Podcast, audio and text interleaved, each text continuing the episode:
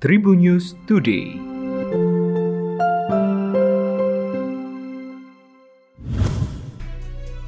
Halo Tribuners, berjumpa kembali bersama Memes mengisahkan berbagi informasi untuk kamu dimulai dari berita nasional.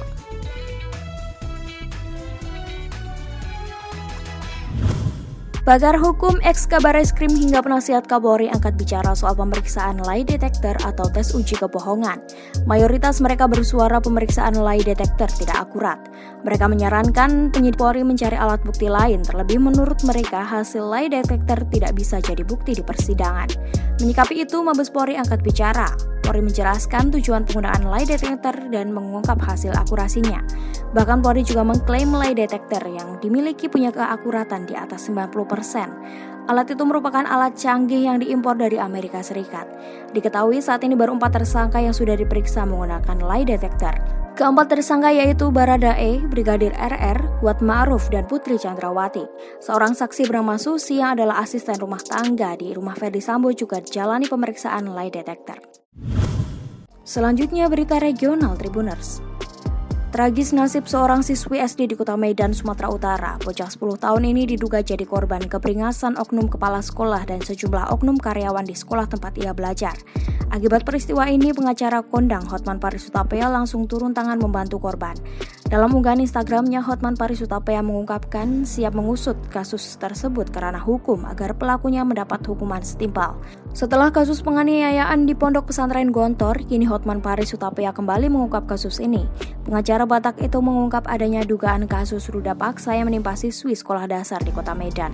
Melalui video singkat yang diunggah pada akun Instagram @hotmanparisofficial, sang pengacara mengatakan korban diduga ruda paksa sejumlah oknum di sekolah. Namun Hotman Faris mewanti-wanti agar tak menyebutkan nama sekolah tempat kejadian tersebut. Selanjutnya berita selebriti Tribuners. Presenter Raffi Ahmad benar-benar menepati janjinya membelikan rumah untuk asistennya, Sadili Mary. Saat ini rumah yang diberikan Raffi Ahmad untuk Sadili Mary sedang dalam proses pembangunan. Sebelumnya, Raffi Ahmad pernah berjanji akan membelikan rumah untuk Mary. Janji tersebut berhasil dibuktikan oleh Raffi Ahmad yang memberikan sebuah townhouse untuk Sadili Mary. Townhouse merupakan komplek rumah kecil yang jumlah unitnya terbatas. Dalam townhouse paling banyak hanya terdapat 30 unit rumah. Dikutip dari kanal YouTube Trans Entertainment, Mary membuktikan kepada warganet bahwa bukan hanya gimmick Raffi yang membelikan rumah kepadanya. Dalam video tersebut, Mary memperlihatkan rumahnya yang sedang dalam proses pembangunan. Tidak main-main, rumah pemberian Raffi untuk Mary rencananya memiliki dua lantai, dengan tiga kamar dan parkiran yang cukup luas untuk dua mobil.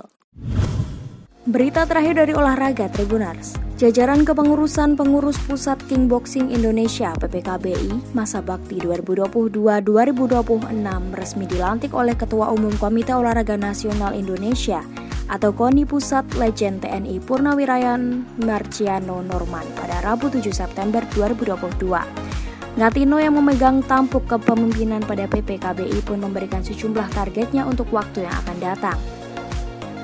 Dalam waktu dekat, Kickboxing Indonesia akan dipersiapkan untuk ajang multi-event SEA Games ke-32 di Kamboja.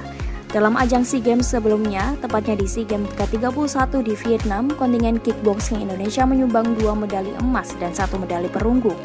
Tak sampai di situ, Ngatino juga mengatakan saat ini pihaknya telah mendatangkan dua pelatih baru yang saat ini sedang melakukan kunjungan ke daerah-daerah. Kunjungan yang dilakukan itu tak lain adalah sebagai bentuk keseriusan PPKBI untuk menjaring bibit-bibit atlet yang berpotensi.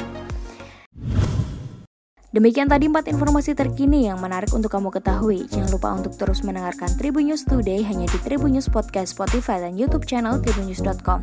Memes pamit, sampai jumpa. Tribun News Today.